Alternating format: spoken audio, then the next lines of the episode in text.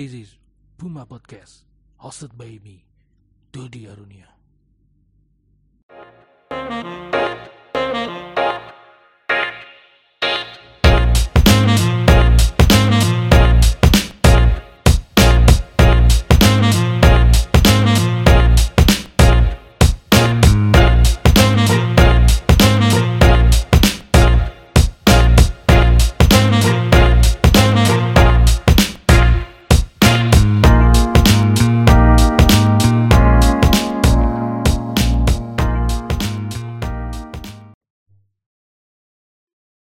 Masa pandemi ini banyak yang harus dipikirkan. Salah satu adalah asupan makanan untuk me- meningkatkan daya tahan tubuh kita.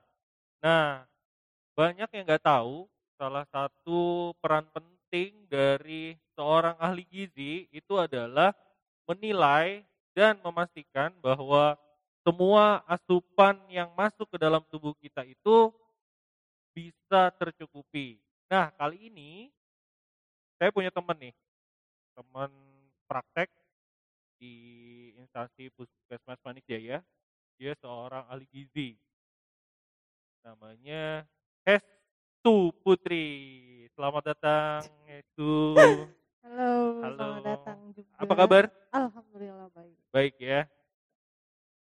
Hestu eh, seorang ahli gizi ya? Bukan, Oh, saya bukan. penyanyi dangdut. Ah, bukan.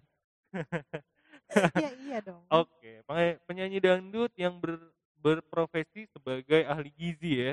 Betul, betul, Oke. betul. Nah, Hestu ini adalah seorang ahli gizi dari Puskesmas Manis Jaya. Heeh. Eh, asalnya dari mana tuh? Asalnya dari Puerto Rico. Oh iya, eh Puerto Rico. Heeh, dekat Suriname itu. Wah, Mantap. mantap. kan? Daerah sebelahnya sebelah mana tuh? Sebelahnya Purbalingga. sebelah Purbalingga, Puerto Rico sebelah Purbalingga. Hmm. Oke, ya. Nah, eh dulu kuliah di mana tuh? Dulu eh, kuliahnya di Semarang. Semarang. Heeh. Oh, berarti ngekos ya? Ngekos. Jauh ya dari Jauh gak sih dari Puerto Rico? Jauh. Jauh ya. Jauh, jauh. Ah, Tujuh jam kalau misalkan pakai kendaraan. Oke, berarti ngekos di sana. Betul, betul, Ambil profesi ahli gizi. Yap. Oke, eh yang mau saya tanya ini sih nggak tahu nih tentang ahli gizi itu sebenarnya kerjanya apa sih? Apa tuh ahli gizi itu? Eh, apa ya sebenarnya ahli gizi itu bukan yang tukang masaknya Eh, kan kadang kan orang bilang tuh ahli gizi yang masak ya Heeh. ah, yang nyiapkan makanan saya bukan kalau misalkan kita di dapur itu justru kita sebagai supervisornya jadi Oke. yang masak ada sendiri terus kita sebagai ya bisa dibilang kita yang nyicipin makanannya layak nggak sih dikasih sama eh, orang atau misalkan pasien yang ada di situ gitu Kan Termas- termasuk yang menentukan menu gak sih? betul kita Betul yang ya? kita yang menyusun menu dari siklus 1 sampai siklus 10 tergantung Oh, sih Oh, banyak ya Banyak. siklusnya. betul Oke, berarti eh kuliah berapa tahun? kuliah 4 tahun Empat tahun. Empat tahun kuliah empat tahun di Universitas di Politeknik Kesehatan Politeknik. Semarang Oh, Ya, Politeknik Kesehatan Semarang. Yap. Oke. betul betul Nah, eh ternyata eh ada sebenarnya nih pertanyaan lagi. Selain di puskesmas yang eh Hestu bekerja sekarang ini, oh sebenarnya tuh eh ahli gizi itu dipakai di mana aja sih? bi- Peluang untuk eh, bekerjanya biasanya di mana aja? sebenarnya banyak sih ya kayak misalkan di pabrik kayak pabrik eh, makanan ya kayak misalkan punya Sogut atau misalkan eh CEM atau misalkan yang lain itu kita biasanya jadi QC quality controlnya mereka Yap. itu kalau di pabrik ya Eh, terus kita juga bisa mendirikan praktek sendiri untuk dietetiknya Oh, oke. Betul, soalnya ada beberapa bukan wiralaba juga sih ya. Mungkin itu tadinya satuan orang tapi udah punya nama gitu ya. Praktek mandiri gitu Oh, maksudnya. praktek mandiri. Praktek betul. mandiri Heeh. untuk konsul gizi gitu. Betul. Jadi kita yang Oh. menyiapkan menunya, kita konseling mereka, eh, terus kita masakin mereka. Biasanya sih kita eh, udah ada paketannya gitu kalau misalkan itu praktek mandiri untuk dietetik. Oh gitu. Heeh. Pernah tapi? Oh Nggak? dulu Belum? belum sih, belum pernah kerja di situ. Oh. Cuma dulu sih pernah ada kunjungan gitu ya waktu kuliah Heeh. eh ke satu satu apa ya namanya? Satu wiralaba eh, sebutnya aja kayak gitu ya. Itu dia eh, khusus eh, apa namanya? khusus buat dietetik orang-orang yang memang butuh. Ya, misalkan dia DM atau misalkan mau menurunkan berat badan sekian. Itu ada semuanya. Nanti Oh. kita eh, kasih menunya, dia yang memilih. Kita menyediakan menunya aja tuh paket ini paket A sampai C misal gitu ya. Nah, nanti dia yang milih, nanti kita masakin ada cookingnya, nanti kita kirim makanannya ke dia. Oh, Jadi makanan sehari-harinya yang kita yang bikin. oh, jadi memang untuk orang-orang yang eh ada gangguan gangguan apa biasanya tuh yang membutuhkan? Eh, untuk biasanya sih kalau praktek mandiri itu banyaknya sih lebih ke yang berat badan ya, Berlebih. oh, oh, berlebih. Jadi dia memang mau diet, terus pengen nurunin berat badan karena menurut dia nggak cantik dilihat gitu ya. Oh Jadi gitu. seringnya sih yang kayak gitu. Cuma ya ada beberapa yang dia memang diabetes atau misalkan hipertensi itu ada. Oke. Nah dulu waktu kecil nih kan kita biasanya tuh sering disuruh sama orang tua, sama guru tentang, ayo kamu makan makanan yang bergizi, Betul. minum susu, Betul. makannya harus banyak. Nah di kultur kita di Indonesia yang otomatis sering makannya tuh makan nasi kan ya. Betul, betul. Nah sekarang ternyata di di medsos segala macam banyak orang yang eh jangan banyak-banyak makan nasi nanti Hmm. ini nah nah sekarang nih sebenarnya rumor yang kayak gitu tuh bener atau enggak sih atau gimana tuh coba Eh. diluruskan oleh ahli gizi nih ya Eh, sebenarnya sih mungkin karena orang tua dulu karena itu udah tradisi ya. Eh apa ya? Mereka karena seringnya makannya nasi sebenarnya kan Indonesia ini banyak banget sumber karbohidrat, betul betul ya. Eh nggak cuma nasi doang, tapi Ya. karena dari dulu dan turun temurun itu makannya banyaknya nasi ya nasi terus gitu. Padahal sebenarnya itu Indonesia banyak banget sumber karbohidratnya, mulai dari umbi-umbian, umbi-umbian boleh semuanya dimakan, terus jagung, ada gandum, ada sorghum, terus ada mie, itu juga sumber karbohidrat sebenarnya mie itu. oh iya benar Heeh. Jadi kalau misalkan tapi untuk sebagian orang itu nasi nggak nggak begitu baik ya, soalnya dia banyak eh, glukosanya. Jadi itu yang mungkin eh, Merugikan. oh, merugikan. buat dirinya sendiri iya kali ya betul. Karena memang eh, kayak misalkan kita contohkan aja dia ada riwayat diabetes mellitus. Kalau misalkan makannya nasi kan nggak ketahuan karena itu udah terlalu biasa untuk dia Betul. ya. Padahal itu yang menyumbang paling banyak banyak oh, ya gula ke dalam tubuhnya. Jadi sih eh, benar untuk orang yang tidak memiliki riwayat tertentu, oh tapi iya. salah untuk orang yang dia paham karena penyakit dia punya penyakit betul tertentu. berarti gitu. sebenarnya eh, makanan pun itu personal banget ya jadi Betul. nggak bisa dipukul rata kamu harus makan ini Betul, makan betul, ini betul. gitu ya tapi Sesuai. di panduannya Kemenkes kan ada tuh Hmm. seperti apa apa yang sekarang kalau dulu kan empat sehat lima sempurna ya Oh ya, nah sekarang apa namanya tuh sekarang kan udah di-upgrade Heeh. karena memang kebutuhannya ternyata kalau kita kaji berbeda gitu ya. Mm-mm. Eh, jadi sekarang itu bukan 4 sehat 5 sempurna lagi, tapi isi piringku itu pedoman. isi Oh, piringku namanya pedoman yang paling eh, cocok dan paling bagus eh, sekarang ini gitu. Kalau dulu itu kan di 4 sehat 5 sempurna itu kan ada susu ya. betul Susu itu sebagai penyempurna. ya Segala dulu dibilangnya makanan. begitu Betul jadi kan? dari mulai kecil sampai orang dewasa harus minum susu biar sehat katanya Betul, betul, betul. sekarang Sekarang itu susu masuk ke dalam golongan sumber protein. sumber protein. Betul. Jadi, Jadi, boleh diminum atau bo- di change dengan Oh yang boleh, lain. boleh, boleh Oh, banget. Jadi sekarang itu susu bukan sebagai penyempurna, justru sekarang menurut saya itu susu nggak begitu penting kalau misalkan panduan makan satu hari atau satu kali makan itu udah benar gitu. Oh gitu. Heeh, Semuanya sudah tercukupin. betul. Nah, oke coba eh mungkin ada beberapa yang mendengar ini nggak familiar Betul, sama betul. isi piringku. Apa sih itu isi piringku? Jadi isi piringku itu panduan satu kali makan kita. eh isinya itu ada karbohidrat, ada sayur, kemudian ada protein, terus ada buah. Dulu kan buah nggak masuk ya, Betul. buah hanya sebagai dessert atau misalkan ya kalau misalkan mau lah makan buah gitu. Oh gitu. Nah, Eh, sekarang tapi sekarang harus itu ya, harus masuk ya. ada buah di piring kita. Oke. gitu.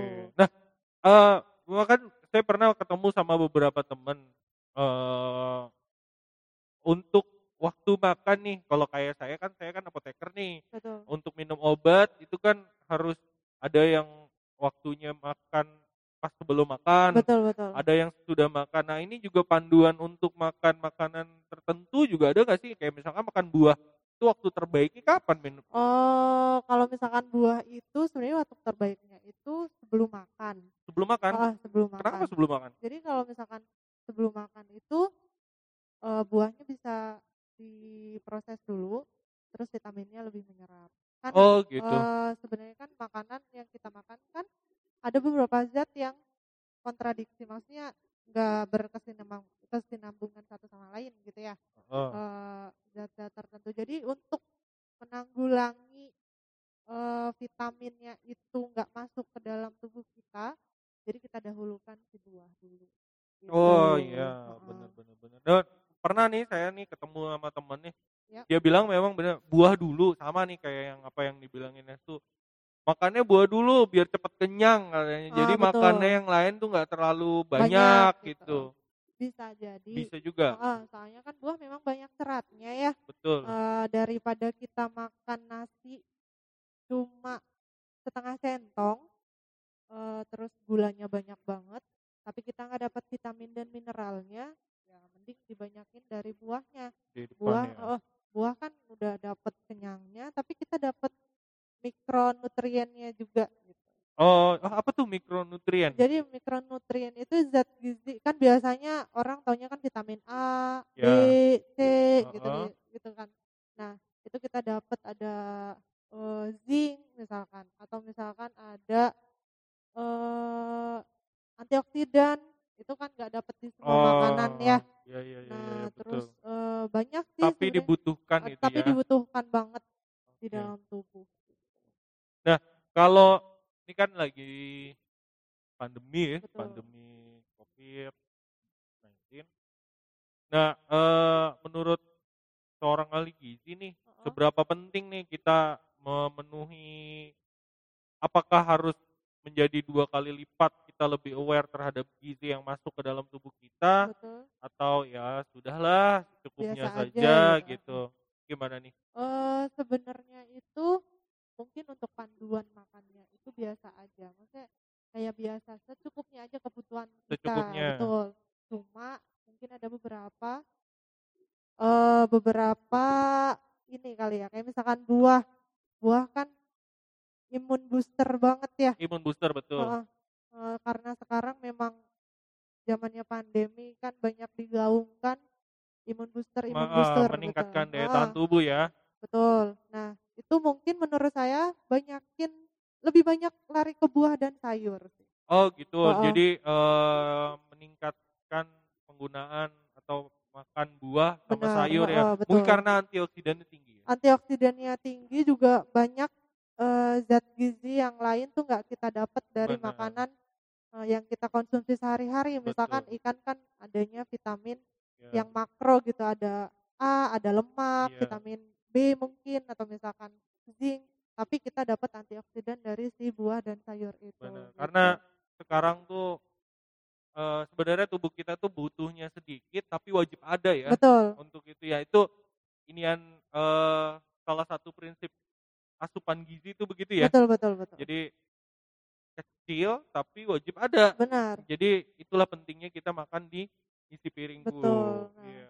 Jadi so- Iya, soalnya kan, eee, berbeda ya 4 sehat 5 sempurna. Dulu kan, eee, protein itu ada 2 golongan ya, lauk hewani sama lauk nabati. Benar. Nah, sekarang itu di dalam isi piringku boleh salah satu aja.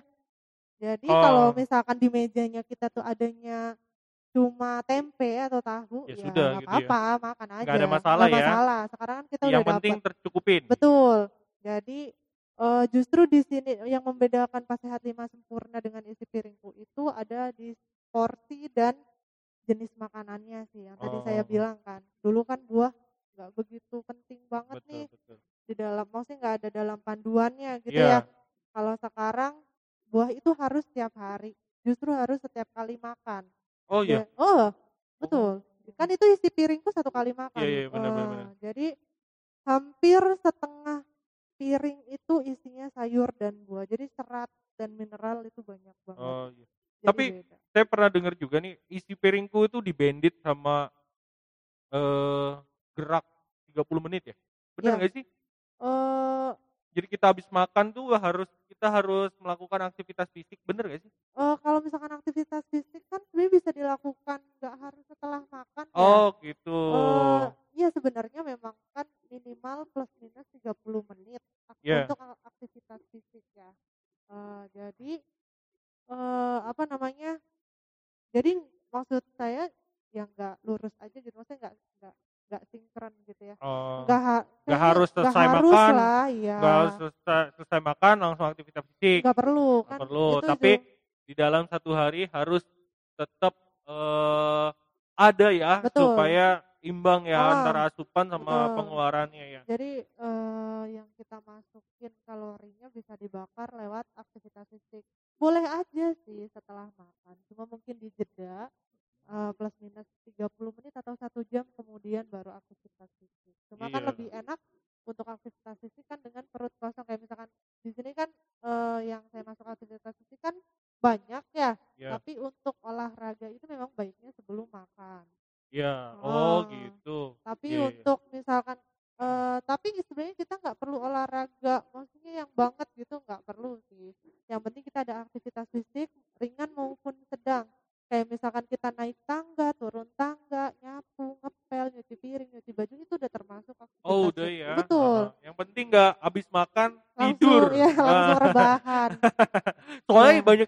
terjadi. Penyakit ya teman-teman itu biasa begitu. Habis makan Langsung tidur gitu.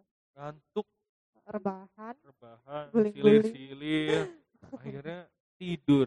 Bangun tidur, makan lagi. Iya betul. Jadi sebenarnya eh, ususnya nggak begitu kerja dengan bagus ya. Eh, Oh, jadi setelah ma- makan Jadi terus malah langsung tidur itu ya jatuhnya apa ya yang misalkan kayak misalkan karbohidrat yang harusnya dipecah jadi gula terus dipecah lagi jadi energi tapi eh, setelah makan kita tiduran itu ya cuma jadi gula doang makanya Benar. orang diabetes itu ya begitulah ya begitu ya. Nah, eh eh, untuk gizi ini juga kan dominan juga untuk anak-anak ya, apalagi Betul. itu paling rentan. Eh, salah satu apa, kelompok yang paling rentan terhadap tumbuh kembang. Kalau gizinya tidak baik, tumbuh kembangnya juga betul nggak baik ya. Heeh. Itu dipantaunya dari kapan sih sebenarnya? Eh, kalau misalkan untuk anak-anak sih sebenarnya udah dipantau karena gizi ini kan nggak menyangkut hanya anak-anak aja ya. Iya. Nah, eh, apa namanya?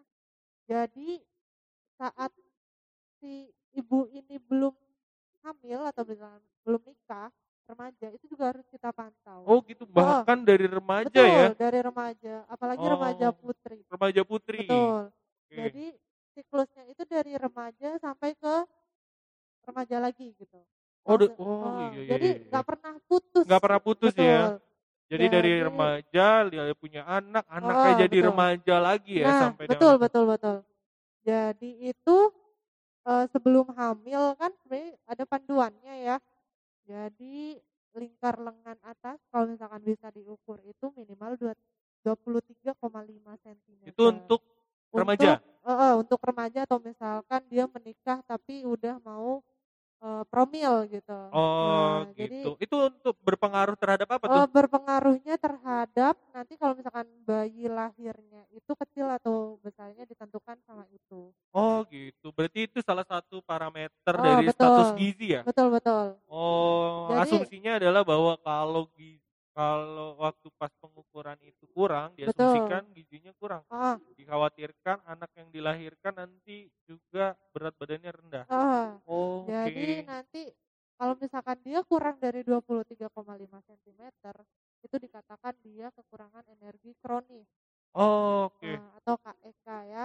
Nah, itu sebenarnya di panduannya sih belum boleh hamil, cuma kan Iya. sekarang udah terlalu Iya, iya, banyak betul, ya betul. Heeh. eh, dia tanpa me- apa menyiapkan badannya dia dulu udah terlanjur Hamil, hamil iya. gitu. Ya nggak masalah sih. Yang penting asupan makan pas dia hamil itu bagus. Ya, tapi bisa di treatment ya. bisa bisa di treatment banget. Itulah pentingnya untuk memeriksakan diri secara dini. Betul. Betul. ya. Jadi eh, deteksi dini dari dia mau menyiapkan sesuatu itu yang penting banget. Eh maksudnya toh juga nggak cuma cuma cek-cek aja gitu ya. Eh, kan namanya tinggi badan berat badan juga kan Betul. harus kita cek secara berkala tuh. Jadi ya se seimbang maksudnya sejalan dengan si lingkar lengan atas ini. Iya. Nah, sekarang tadi kan dibilang bahwa dari diperiksa mulai dari remaja Betul. sampai dia punya anak yang menjadi remaja juga, Iya gitu betul. kan ya. Heeh, Jadi siklusnya tidak pernah putus. tidak pernah Nah, putus. di dari sepanjang jalan itu ada titik-titik rawan yang memang harus di umur berapa, di Heeh. posisi apa, di peristiwa apa itu yang harus dapat perhatian khusus untuk da, apa si gizi yang masuk ke dalam tubuh. Eh, sebenarnya kan siklus hidup ya sama sih. Jadi di titik-titik tertentu sama aja kayak titik di psikologis. Dia kan ada masa eh, bayi, balita, Balsa. eh, kemudian anak, pra remaja, remaja, dewasa, kemudian lansia ya. Jadi Oh iya, lansia eh, juga ya. Iya lansia juga. Jadi di titik-titik itu sih yang penting banget gimana caranya asupan ini tuh masuk dengan maksimal gitu. Ya kayak dari kayak punya bayi, bayi nanti Betul. juga kan itu harus dipantau Harus terus ya. dipantau banget. Eh, dipantau juga eh, apa aja yang masuk ke dalam tubuh bayinya tersebut supaya bayinya tumbuh dengan Tumbuh kembangnya baik. tumbuh gitu. kembangnya baik ya. Karena nanti akan berpengaruh secara semuanya ya. Semuanya, Semuanya hampir ya. semuanya. Jadi eh makanya tidak hanya dari dia baru lahir sih ya. eh dari baru lahir baru dipikirkan asupan gizinya sebenarnya dia dari hamil Iya. udah mulai kan. Namanya tempurung otak, Oh iya eh, betul terus betul. tulang belakang rusuk, perkembangan otak, sel Iya. saraf kan dibentuk semuanya dari janin ya. Ya, Jadi bisa dibayangkan kalau misalkan si ibu hamil ini malas makan. oh Waktu iya hamil. betul. Dia misalkan nggak pernah makan ikan, nggak pernah makan tempe karena dia ngakunya ya saya nggak doyan gitu Iya. dan tidak ada perubahan di situ. Biasanya sih di awal-awal nggak nafsu. Ya gitu. nggak masalah kalau di awal kan itu memang karena hormon. Oh, iya, iya, iya. Heeh, karena hormon. Tapi kalau alasannya nggak Nah, doyan tuh nggak nah itu ya. itu harusnya sih eh, mulai dibenahi karena nanti kan bibir sumbing, kemudian eh, hidrosefalus atau misalkan nggak ada tempurung otak kan itu terjadi waktu si mengandung ini nggak bagus juga. Oh, iya benar. Walaupun mungkin ada keturunan genetik iya, dari iya, yang iya. atas. itu salah gitu. satu penyebabnya adalah eh, malnutrisi Iya ya waktu betul. hamil ya. Heeh. Oke. Jadi waktu hamil itu protein apa pun itu proteinnya itu tuh perlu banget untuk Iya. pembentukan organ si janin ini. Nah, eh kita kalau di Bali waktu kecil. Nah, sekarang saya tanya kalau misalkan nih eh pu- ada yang pendengar punya anak-anak di umur SD, Betul. SMP itu juga kan perlu asupan karena aktivitasnya tuh biasanya tuh anak-anak lebih tuh luar biasa ya. Lebih tinggi. Lebih tinggi karena fasenya mereka bermain, Betul, beraktivitas. Nah, eh yang saya lihat nih di lingkungan dan segala macam sekarang anak-anak sekarang itu eh, kecil-kecil. Yap.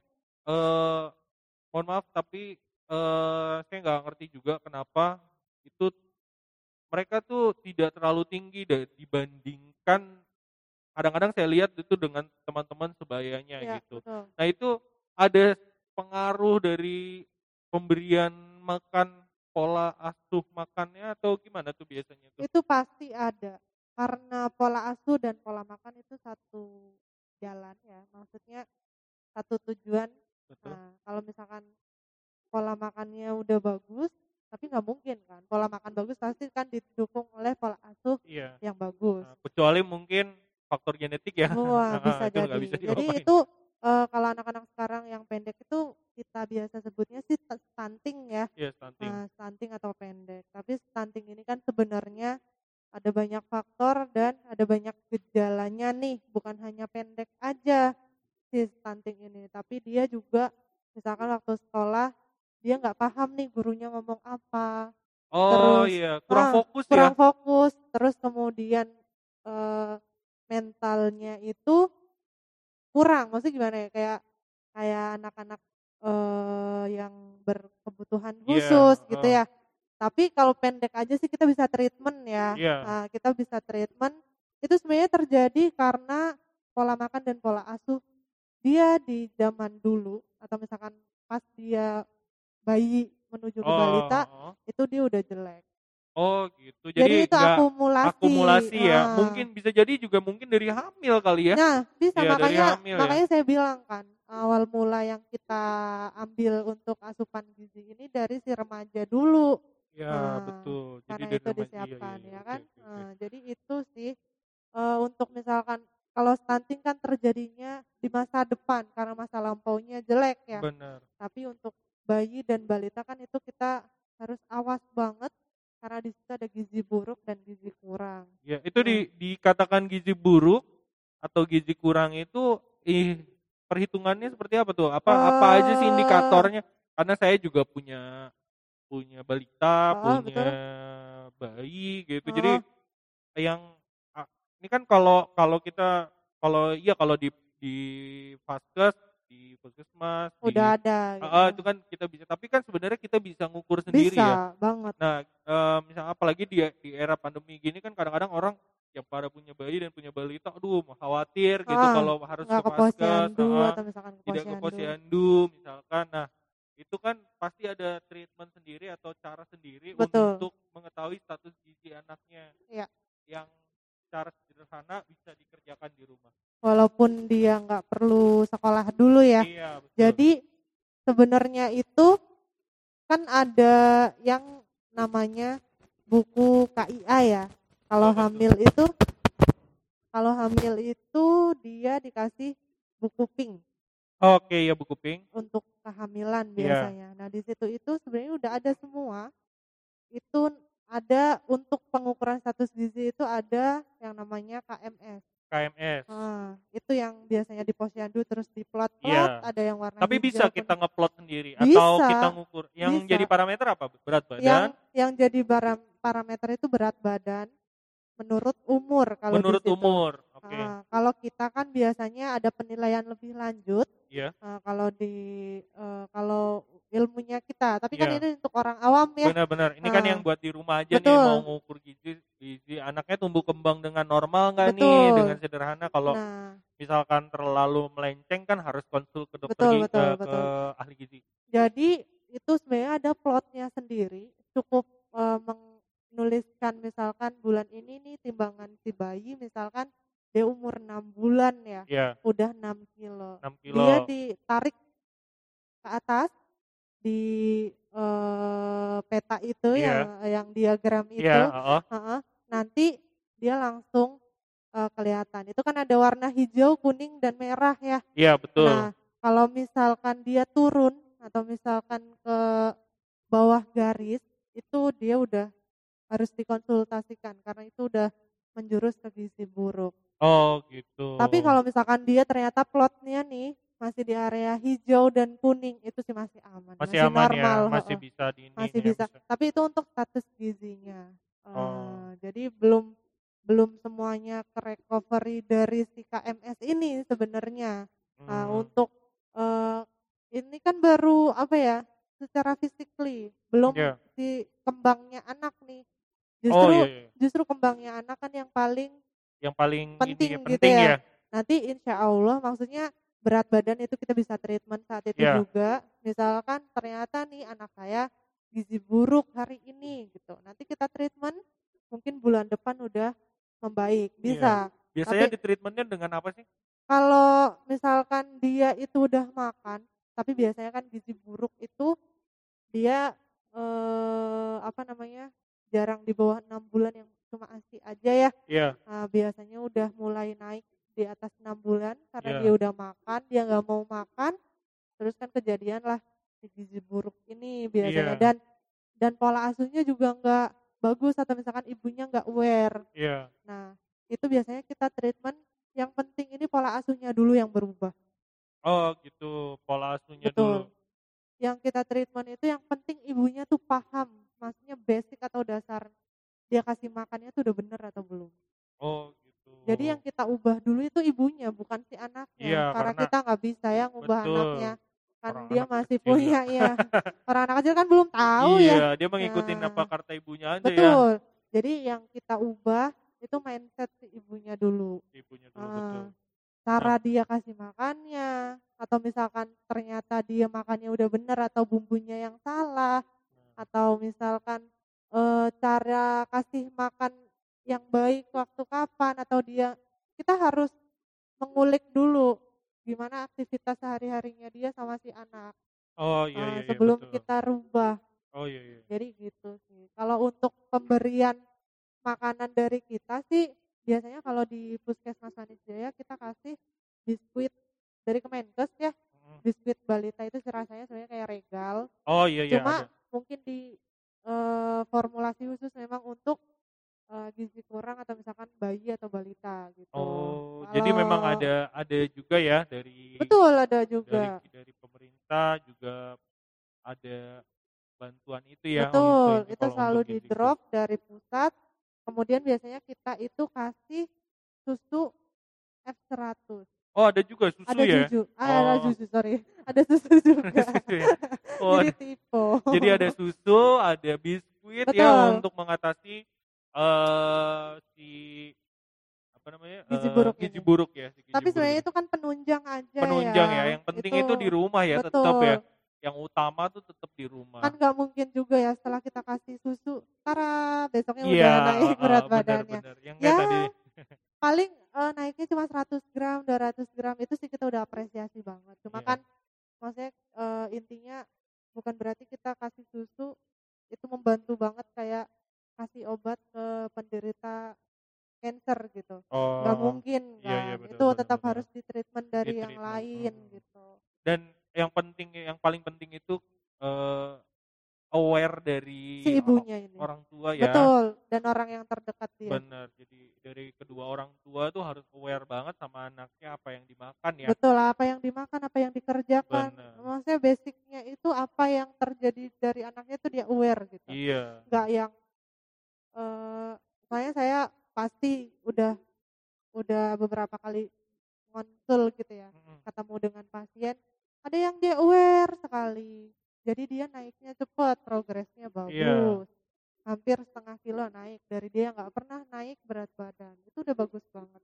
Tapi ada yang dia jawabnya ya asal-asalan ih udah kok ibu ya ada gitu. Jadi di sini menurut saya itu untuk bayi dan balita itu masih sangat amat berpengaruh dari si pola asuh sih. Iya betul. Pola asuh ya. Makanya nih yang eh, pasangan-pasangan muda ya Oh itu betul. kan harus tahu ya. Jadi sebelum nanti merencanakan eh, program hamil, Hamil, atau uh-uh. punya anak, nah itu Jadi sebenarnya udah- ilmunya harus udah punya dulu ya.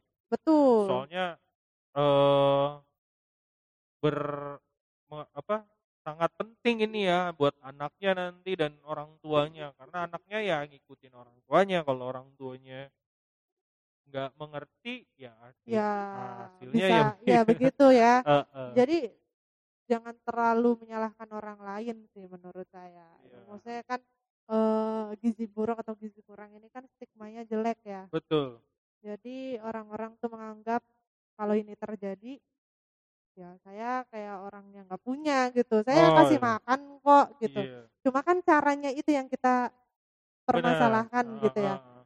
bisa dia anak orang kaya juga bisa gizi Ya, buruk. karena metodenya Nah, salah. karena metodenya salah Iya, gitu. benar. Jadi stigmanya masih kurang bagus sih. Jadi dia kadang kan kalau misalkan kita udah diagnosis anaknya ternyata gizi kurang atau misalkan gizi buruk, ada yang nggak terima gitu. eh kita udah ngomongin tentang gizi buruk yang Betul. terkonversi ibaratnya kayak orang yang eh, kekurangan. Nah sekarang juga banyak loh yang ternyata kelebihan. Ya.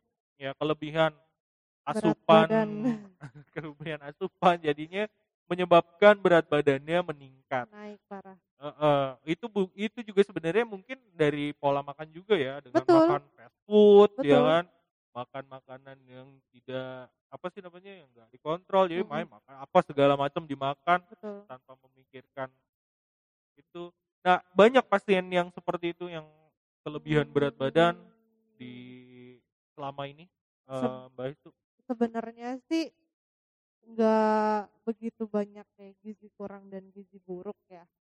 Cuma ada beberapa dan menurut saya itu udah terlalu berlebih banget gitu. Ada sih beberapa. Cuma ya itu lagi-lagi si pola asuh ini untuk yang anak balita. Tapi untuk dia yang udah besar, udah SD lah, SD misalkan atau misalkan dia dewasa itu kan karena dia sendiri yang udah memilih kan ya. Dia Iya, udah bisa betul. menentukan apa yang dia makan gitu. Jadi tetap aja sih jatuhnya ke situ ya rata-rata ya makannya karena ya itu yang tadi disebutkan fast food, iya ice cream, jajan-jajan. balik ya. lagi sebenarnya Balik kan lagi. orang tuanya ya Betul. Jadi gimana Kalau orang- kontrol orang tua sih? kalau orang tuanya ngasih ya anaknya juga pasti dapet Nah, kan gitu. betul. nggak dia nggak mungkin berjalan sendiri kalau anak kecil sih iya, kan itu udah kebiasaan. Kayak masa kita tarik aja kasusnya Arya oh ya oke yang oh yang yang di Bekasi besar banget ya itu itu ya. ya. Itu kan karena mungkin ada beberapa anak yang kurang kasih sayang terus larinya ke makanan Ke gitu. makanan. Jadi larinya dia dapat happy happiness tuh dari si makanan ini loh gitu. Iya, jadi lebih ke kayak candu. Nah, Saya pernah berpikir bahwa kalau oh, kalau udah kayak begini lo berarti makanan tuh ya ya di kita membutuhkan dibuat baik ya jadi baik, tapi kalau kita buat jadi jahat ya jadi jahat ya gitu. apa Jadi yang kamu makan ya bentuknya kamu gitu Betul. sebenarnya. sih. jadinya ya jadi seperti itu gitu. Nah, jadi seperti makanan tuh kalau menurut saya jadi apa namanya pisau bermata dua Betul. semuanya tergantung dosis kalau di obat sih gitu yang membedakan antara obat dengan racun makanan, itu cuma racun. dosis Iya, sama juga sama. ya makanan juga gitu kali ya Betul. jadi apa yang dimakan yang membedakan hanyalah porsinya dan metodenya Ma- makanya di Kemenkes itu mengeluarkan angka kecup angka kecukupan gizi ya. angka kecukupan Nah, gizi untuk oh iya iya saya sering lihat di di label makanan tuh banyak Betul. banget itu harusnya itu kan fungsinya buat apa sih sebenarnya itu sebenarnya kan kita kalau mau beli produk itu harusnya Iya kita membaca label eh, komposisinya. Terus ada nutrition fact-nya juga. iya betul Nah, itu nutrition fact-nya itu penting banget. Kenapa? Kayak kita contohkan aja. Kita makan keripik singkong. ya Nah, di situ kan ada ya kemasan persaji atau nutrition fact, nutrition fact-nya itu. Nah, tapi kadang kan kita makannya nggak puas cuma tiga biji doang, padahal harusnya tiga Iya, biji gitu iya. ya. Jadi kita makannya tuh Sat- satu satu bungkus satu bungkus, bukan satu bungkus lagi.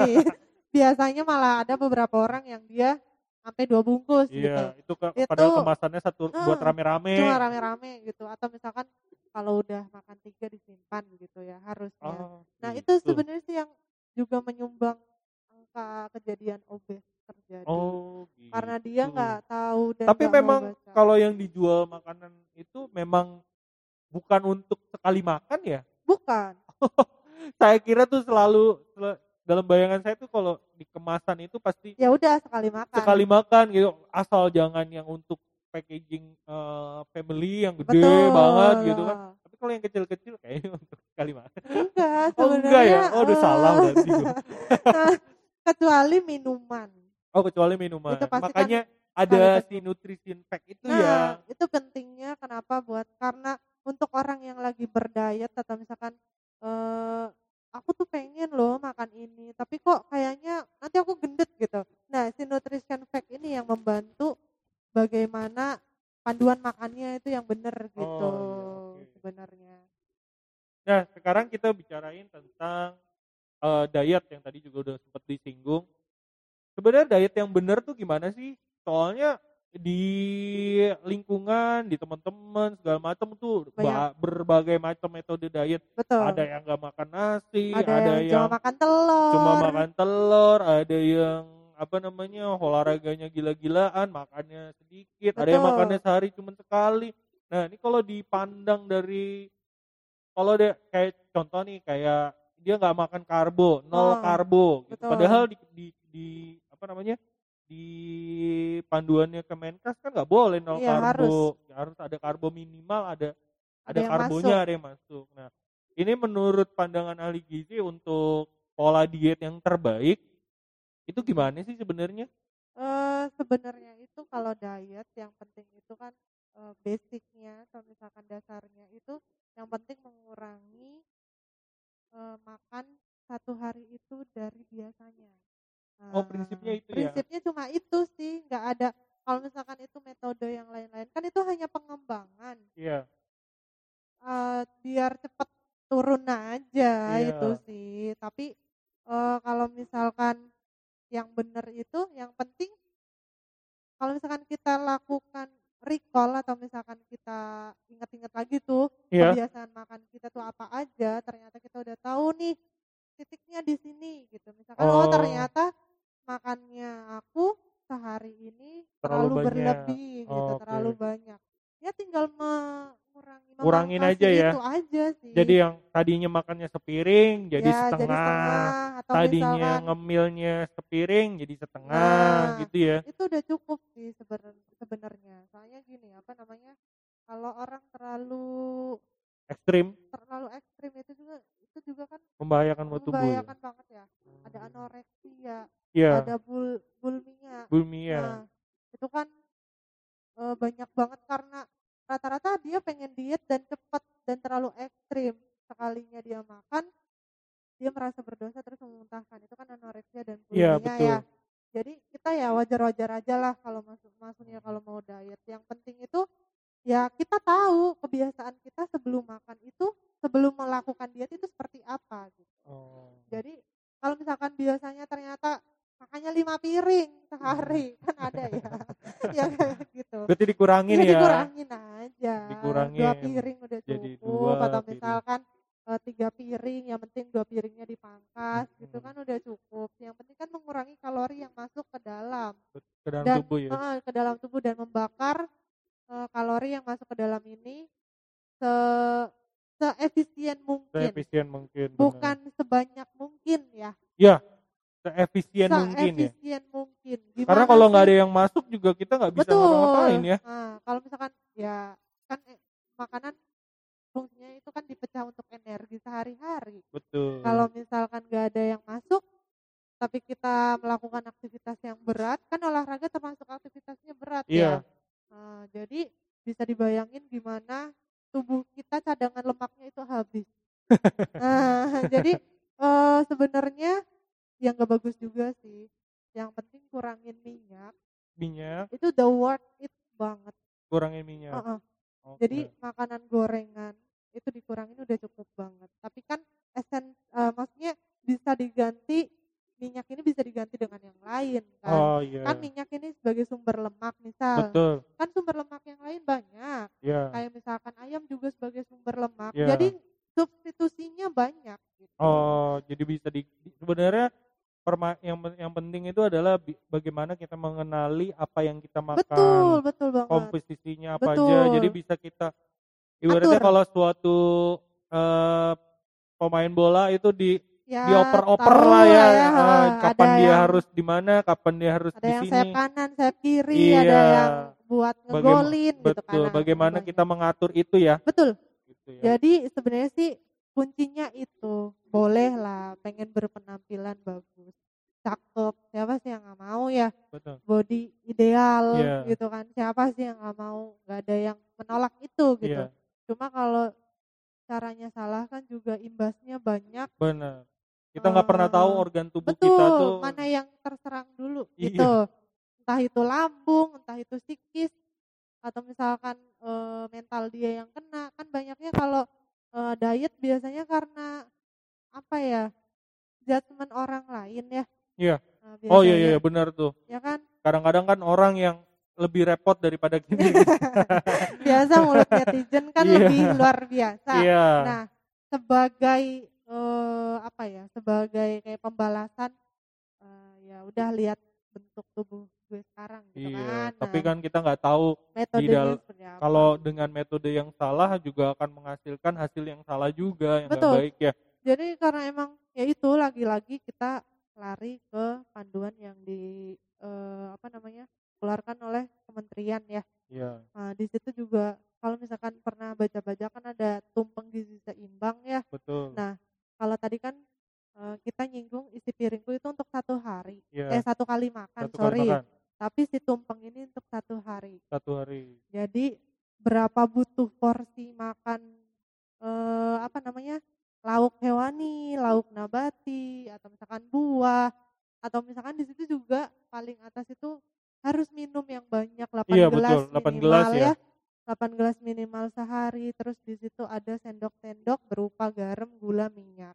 Iya. Nah, di situ kan eh, sudah tercantum sebenarnya satu hari itu harusnya segitu.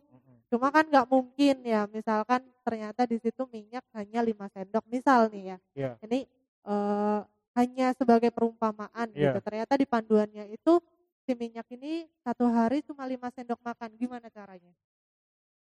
Nggak tahu kan? Iya. Ya, itu makanya kenapa eh kalau diet itu harus dilihat gimana cara masaknya gitu. Oh iya iya. Jadi, iya, iya. Kalau di kita itu kalau menggoreng itu pasti satu penyerapan minyaknya itu satu sendok makan.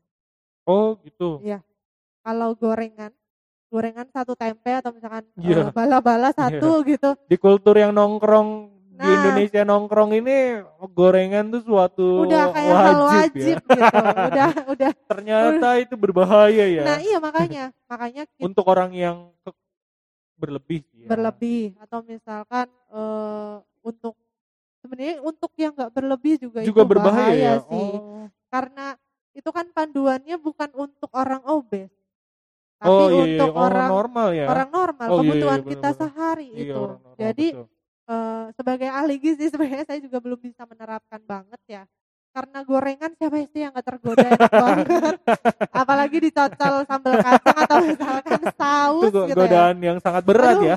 Apalagi lihat temennya yang pada makan terus kita sendiri yang lagi diet Iya. atau lagi misalkan menerapkan Nah, itu berat berat banget tuh berat. Berat banget itu kan godaannya Godaan- luar biasa Wah, luar ya. biasa itu luar Jadi biasa. eh itu panduannya kan benar-benar menguji kesabaran ya. Kayak misalkan gorengan satu aja dinilai 5 sendok makan. Iya. Belum sayurnya yang ada minyaknya. Iya. Belum tempe tahunya yang digoreng. Oh, iya benar. Jadi 5 sendok makan itu gimana caranya harus dibagi satu hari. Misalkan begitu. Iya. Nah, jadi pasti ada kan satu kali makan itu isinya kukus semua. ya. Pasti nggak mungkin enggak. Oh. Nah, jadi, jadi- memang harus eh, benar-benar di penjadwalan masak itu pe, apa makanan itu harus benar-benar dipikirkan Betul. sebenarnya ya. Eh, makanya Jadi tidak bisa harus eh nanti kita makan apa nah, nih ya iya nggak bisa. nggak bisa.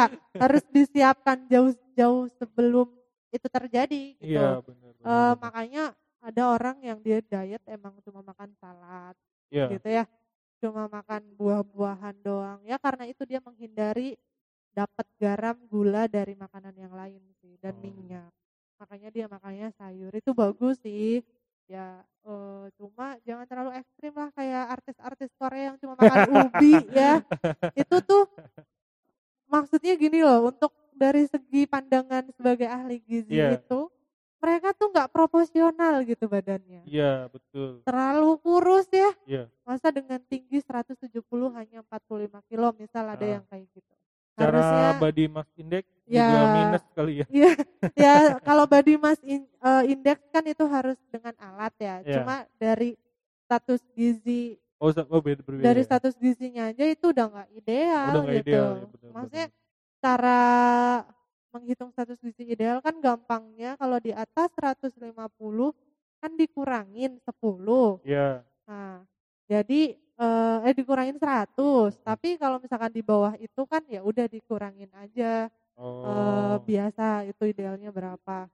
Nah, tapi 170 misalkan kurangi 100 kan udah 70. 70 Kalau kilo misalkan ya. 45 kilo doang Iya benar. ya bayangin aja gitu. Iya, iya, iya, iya, Menurut itu udah kurang gizi Jauh ya? dan malnutrisi sih menurut banget. saya gitu. Udah jauh banget tuh ya. Jauh banget. Jadi Iya. nggak usah ikut-ikutan lah yang artis Korea-Korea Benar, itu. benar, benar. Karena itu bukan budaya kita.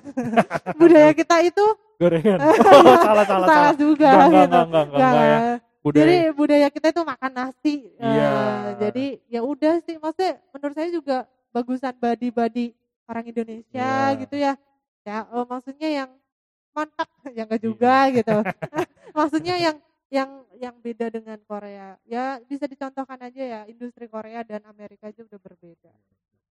Ya pada eh, bisa kita ambil kesimpulan bahwa sebenarnya eh, makanan itu sebenarnya semuanya baik tergantung bagaimana kita memilah dan memilih Betul. benar ya jadi bagaimana kita memilih makanan yang sesuai dengan, dengan tubuh kita Betul. baik dari segi jumlah jenis dan, Cara. dan cara membuatnya Betul. gitu ya ada yang mau ditambahkan untuk terakhir kali untuk Eh, episode kali ini sebenarnya yang penting karena ini masa pandemi sih ya eh kurangin aja soal diet dulu. Soalnya itu berpengaruh besar terhadap imun booster kita. Karena menurut saya sebagai seorang ahli gizi makanan adalah kunci. Kunci. Makanan adalah sebuah kunci Mood booster ya? Gitu. Eh, apa eh, Eh, imun booster Apa, ya? betul apalagi imun booster. Ini aja udah inti menurut saya inti dari kehidupan apalagi menjadi imun booster. Jadi untuk takutnya nanti ada malnutrisi karena diet lama kan juga nggak bagus. Ya nah, mungkin dapat dari eh, karena akumulasi diet terus jadi nutrition definition eh, di apa defisit gitu ya. Hmm. Jadi nutrisinya defisit dia nggak punya eh, misalkan mineral atau misalkan dia nggak punya lemak di tubuhnya dia kan juga itu udah bahaya. Jadi ya kalau misalkan mau diet diet sewajarnya aja. Yang penting badan ada energi untuk aktivitas satu hari. Jangan terlalu berat dalam diri juga, maksudnya ke, ke diri sendiri juga nggak perlu nggak boleh memaksakan Nah, ya nggak perlu jahat lah ya iya betul eh, dengan diri sendiri. Toh juga kita nggak ketemu sama orang di rumah Iya, di aja. rumah aja ya Nah, kan nggak ada yang mau judgement.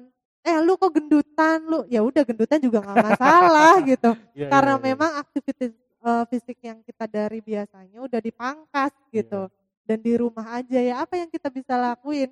Ya tinggal aktivitas ringan aja. Yang penting jangan di stop. Eh, sayur dan buah itu juga Wajib ya. dibanyakin ya wajib banget. Jadi yang biasanya nggak makan sayur dan buah itu harus, Harus, banget ya. sih. Itu harus banget dan minum air putih juga adalah kunci. ya harus banyak ya Harus banyak kalau bisa lebih dari 8 gelas 8 per gelas. hari. Ya minimal satu setengah liter sampai 2 liter lah Dua liter, sehari ya. betul. Tapi kalau bisa lebih juga bagus. Tapi untuk penderita gagal ginjal atau misalkan ginjal ya itu Gas. berbeda gitu ya. Tapi untuk kita yang normal kondisinya bagus eh, itu cukup menjaga imun kita dari si makanan ini. Jangan menjadikan makanan ini malah justru corona nggak kena, tapi yang lain kena gitu ya. betul betul Jadi betul, betul. jangan. Jadi kalau bisa kita terbebas dari segala penyakit gitu sih. Oke, oke, sangat menarik. Nah, eh, banyak yang bisa kita dapat dari ini dengan obrolan kita eh, dengan teman saya ini, Hestu, seorang ahli gizi. Nah, eh, terima kasih banyak Hestu atas sama-sama. ilmunya yang dibagi. Eh, semoga ini bermanfaat. Insya Allah. Ya, nah mudah-mudahan eh, semua kita terhindar dan pandemi ini cepat berakhir. Amin amin. Ya. amin. Eh, terima kasih buat semuanya yang mendengarkan. Jangan lupa pakai masker, Jaga lalu jarak. cuci tangan dan jaga jarak. Ya, saya Dodi Arunia. Dan saya Hestu Putri. Ya, pamit. See you.